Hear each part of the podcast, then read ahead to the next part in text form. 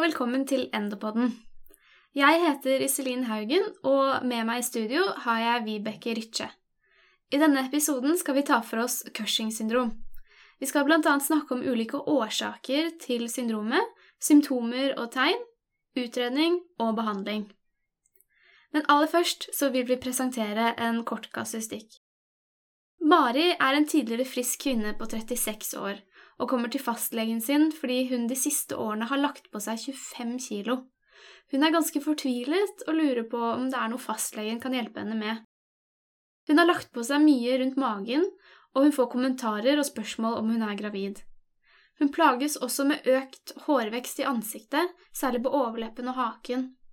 Hun forteller om at hun ikke har noe energi til å trene slik hun gjorde før, og hun sliter både med søvn og konsentrasjon. Når fastlegen spør, kommer det også fram at hun det siste året har hatt svært uregelmessig menstruasjon, og at siste gang var for fire måneder siden. Mari har altså tydelig sentral fedme og har i tillegg lilla strekkmerker på magen. Hun har et litt påfallende rundt og litt rødmusset ansikt og relativt slanke armer og bein. Fastlegen måler blodtrykket og blodsukker og mistenker Cushing syndrom. Han henviser henne til endokrinolog for videre utredning. Der blir det påvist et lite hypofyseadenom på 7 mm som opereres vekk. Etter operasjonen går Mari på kortison i et år før kortisol og ACTH normaliseres, og hun kan slutte med kortisonbehandlingen. Cushing syndrom er altså en tilstand man kan bli frisk av. Så hva er egentlig Cushing syndrom? Kanskje kan du, Vibeke, svare på det? Det kan jeg. Cushings syndrom er en samlebetegnelse på tilstander som skyldes for høyt kortisolnivå over tid. Det kan f.eks. være at man har medisiner som inneholder store mengder glukokortikoid, dvs. Si kortisol eller lignende stoffer som virker på samme måte i kroppen. Men Cushing kan også skyldes at kroppen selv produserer for mye kortisol. Her er det nyttig å huske tilbake igjen til fysiologien. Kortisol produseres jo i binyrebarken, så noen ganger er det her overproduksjonen kommer fra. Men det kan også være at årsaken egentlig er hypofysen. Det er jo ACTH fra hypofysen som stimulerer binyrebarken til å produsere kortisol. Så overproduksjon av ACTH, f.eks. pga. et ACTH-produserende hypofyseadenom, vil også føre til overproduksjon av kortisol. Når hypofysen er syndebukken, kaller vi det Cushings sykdom.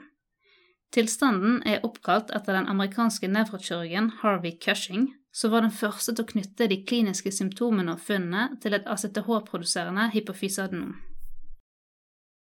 Så det du sier nå, det er egentlig det at Cushing syndrom skyldes enten høy tilførsel av eller økt egenproduksjon av glukokortikoider.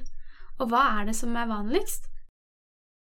Cushing syndrom, som skyldes økt egenproduksjon av kortisol, altså endogen Cushing, har i Norge en insidens på to til tre per million per år.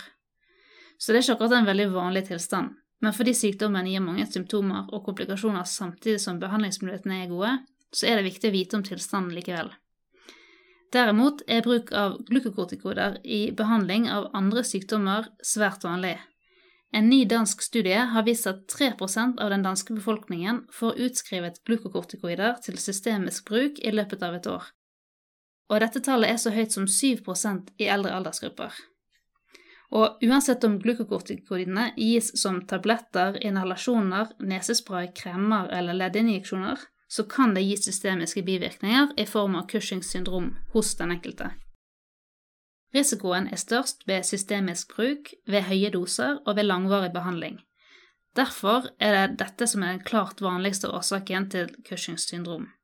Dette kalles også iatrogen Cushing syndrom, og ved denne tilstanden vil serummålinger av både kortisol og ACTH være svært lav eller supprimert. Dette skyldes at de tilførte glukokortikoidene supprimerer utskillelsen av ACTH fra hypofysen, som igjen fører til svært lav egenproduksjon av kortisol fra binyrene. Så det høres ut som det er veldig viktig med en god medikamentanamnese dersom man mistenker Cushings. Og da må man huske å spørre om alle former for glukokortikoider, og ikke bare tabletter, ikke sant? Ja. Hvordan er kjønns- og aldersfordelingen for endogen Cushing syndrom? Det kan ramme alle, men hyppigst mellom alderen 20 til 50 år. Blant voksne rammer det rundt tre ganger så mange kvinner som menn, mens blant barn er det vanligere hos gutter. Og mens man snakker om barn, et viktig symptom kan være at barnet rett og slett slutter å vokse, eller vokser mindre enn forventet. Så for endogen Cushing-syndrom, hva er det egentlig som er årsaken til den høye produksjonen av kortisol? Overproduksjon av kortisol kan være ACTH-avhengig, altså økt kortisol skyldes økt ACTH, eller ACTH-uavhengig.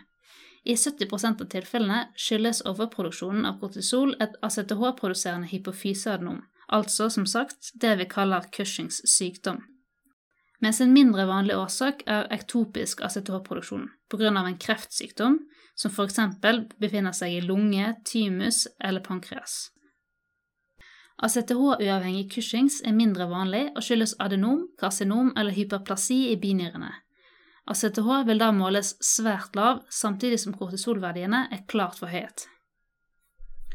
Kasuistikken i begynnelsen av episoden, den som handlet om Mari, nevner noen symptomer man kan ha ved Cushing syndrom. Kan du fortelle litt mer om mulige symptomer og funn? Det er mange symptomer på Cushing som er ganske uspesifikke, men økt fett på abdomen, ansiktet, supraklavikulært og nakken er svært vanlig. Ekstremitetene er generelt slanke pga. myopati og atrofi, og pasientene kan merke redusert kraft i armer og bein. Siden armene og beina blir slankere samtidig som fettmassen øker sentralt, vil man ikke nødvendigvis gå opp i vekt, men vekten kan også stige ganske kraftig, slik som man gjorde i kasustikken. Huden kan også bli tynnere, og sammen med økt bukomfang kan dette føre til brede rødlilla strekkmerker. Ansiktsrødme og lettere dannelse av blåmerker er også vanlig. Fordi høye nivåer av kortisol også har mineralkortikoid effekt, vil høye kortisolnivåer også kunne føre til hypertensjon og hypokalemi. Faktisk så har rundt 80% av de som diagnostiseres med Cushings syndrom, hypertensjon. Høy kortisol øker glukoneogenesen og fører til insulinresistens, som kan gi diabetes type 2. Kortisol kan i tillegg gi osteoporose, bl.a. pga. økt beinnedbrytning og økt kalsiumfrisetting fra skjelettet. Pasienter med Cushings er også mer utsatt for infeksjoner og trombose. I tillegg gir hyperkortisolisme ofte psykiske symptomer. Det kan være trøtthet, depresjon, irritabilitet, økt appetitt, redusert konsentrasjon, korttidshukommelse og libido og søvnproblemer. Forhøyet ACTH stimulerer også til økt produksjon av androgener fra binyrene. Hos kvinner kan dette føre til hirsutisme, akne og menstruasjonsforstyrrelser. Svært høy ACTH kan også føre til hyperpigmentering i huden, sånn som man ser hos pasienter med binyrebraktsvikt, fordi ACTH kan binde seg til reseptorene til melanocyttstimulerende hormon. Det virker som det er veldig mange ulike symptomer man kan ha på Cushing syndrom. Men hva gjør man egentlig for å finne ut om det faktisk er Cushing? Man må vel sikkert måle kortisol, i hvert fall? Det stemmer. Første steget er å vise om kortisol faktisk er for høy.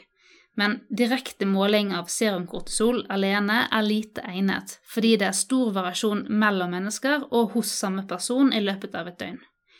I stedet har vi tre screeningtester å velge mellom. Den mest brukte er dexametason suppresjonstest. Dexametason er et høypotent glukokortikoid som vil hemme hypofysens ACTH-produksjon, som fører til fall i kortisolproduksjonen. Rent praktisk så tar pasienten 1 mg dexametason om kvelden, og så måler man serumkortisol neste morgen. Man kan også måle serumdexametason i samme prøve for å være sikker på at pasienten har fått nok til å supprimere ACTH-produksjonen. Siden man måler kortisol i serum, og da måler totalkortisol og ikke fri fraksjon, så vil høy konsentrasjon av bindeproteiner kunne føre til falskt positivt svar. Inntak av f.eks. østrogenholdige p-piller vil øke nivået av bindeproteiner, og man bør da velge en annen screeningtest som er uavhengig av bindeproteiner. Det samme gjelder hvis pasienten er gravid. Da kan man enten måle kortisol i døgnurin eller spyttkortisol om kvelden. En fordel med spyttkortisol om kvelden er at man måler på et tidspunkt på døgnet når kortisol vanligvis skal være svært lav. Dersom screeningtesten er positiv, så bruker man døgnurin til å bekrefte diagnosen. Deretter kan man bruke nivået av ACTH til å finne årsaken til at pasienten har Cushing syndrom. Lav eller supprimert ACTH taler for en binyresvulst, og en utreder da videre med CT av binyrer uten kontrast. ACTH i øvre normalområde, eller lett forhøyet, peker i retning av et hypofyseadnom, altså Cushings sykdom. Da tar man MR av hypofysen for å se etter et adenom, som oftest er små mikroadenomer. Svært høye nivåer av ACTH kan peke mot en ACTH-produserende malign svulst. Dersom man er i tvil om det er hypofysær eller ektopisk produksjon av ACTH, kan man gjøre en CRF-test. Kort fortalt går testen ut på at man gir en kunstig fremstilt form av hypotalamushormonet CRH, og ser om det kommer en økning i ACTH og kortisol. En økning tyder på hypofysær årsak, altså Cushings sykdom.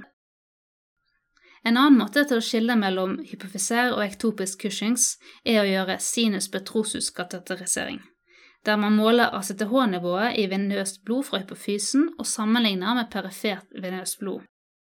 Er nivået av ACTH høyere i sinus petrosus enn perifert, tyder dette på hypofysær årsak, altså Cushings sykdom.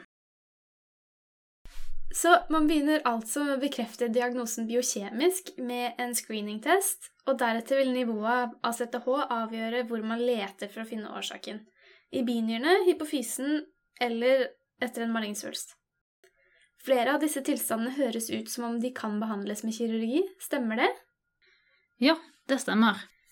Et hypofyseadnom kan oftest behandles med transfenodal kirurgi og det er større sjanse for helbredelse ved små mikroadenom enn ved makroadenom. Dessverre så er det ikke helt uvanlig med residiv av Cushings sykdom. Utvalgte pasienter med resttumor eller residiv kan også få tilbud om gammaknivbehandling, som er en relativt skånsom strålebehandling mot tumor. Ulempen her er at man må vente i flere måneder på effekten av strålebehandlingen. Ved binyrebarkadenom opererer man ut binyren med adenomet.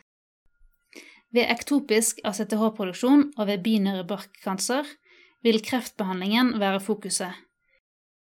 Noen ganger kan det være vanskelig å finne primærtumor, og noen ganger kan det være vanskelig å kurere pasienten helt kirurgisk. I disse tilfellene vurderer man medikamentell behandling for å hemme steroidsyntesen. Dette kan benyttes i kortere eller lengre perioder, men det er en oppgave for endokrinologer, og slike pasienter følges tett på poliklinikken. Siste utvei er bilateral adrenolektomi, og vurderes særlig dersom pasienten er klart symptomatisk plaget og man ikke kommer i mål med medikamentell behandling. I kasuistikken i begynnelsen hadde Mari Cushing-sykdom og måtte stå på kortisonbehandling i et år etter operasjonen. Det virker jo litt rart, siden det er en overproduksjon av kortisol som er problemet. Kan du fortelle oss hvorfor hun måtte det? Jo, det kan jo virke litt rart, men det er to grunner til det. For det første kan ACTH-produksjonen være dårlig etter operasjonen, og for det andre er pasienten vant til et høyt nivå av kortisol, som vil gjøre at en rask normalisering kan føre til abstinenssymptomer, som kan være ganske alvorlig. Ved å gi kortison som gradvis trappes ned, vil man forhindre dette. Ok, så hvis vi skal oppsummere litt. Cushing syndrom skyldes for høyt inntak av glukokortikoider eller for høy endogen produksjon av kortisol. Endogen Cushings kan være ACTH-avhengig eller uavhengig. I 70% av tilfellene er årsaken et ACTH-produserende hypofyseadenom, og man kaller det da Cushings sykdom. Viktige symptomer er sentral fedme, rødlilla strekkmerker på magen, slanke ekstremiteter og blåmerketendens.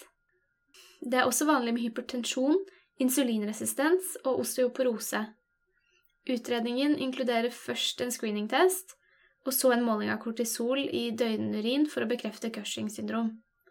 Videre utredning styres av om tilstanden er ACTH-avhengig eller uavhengig.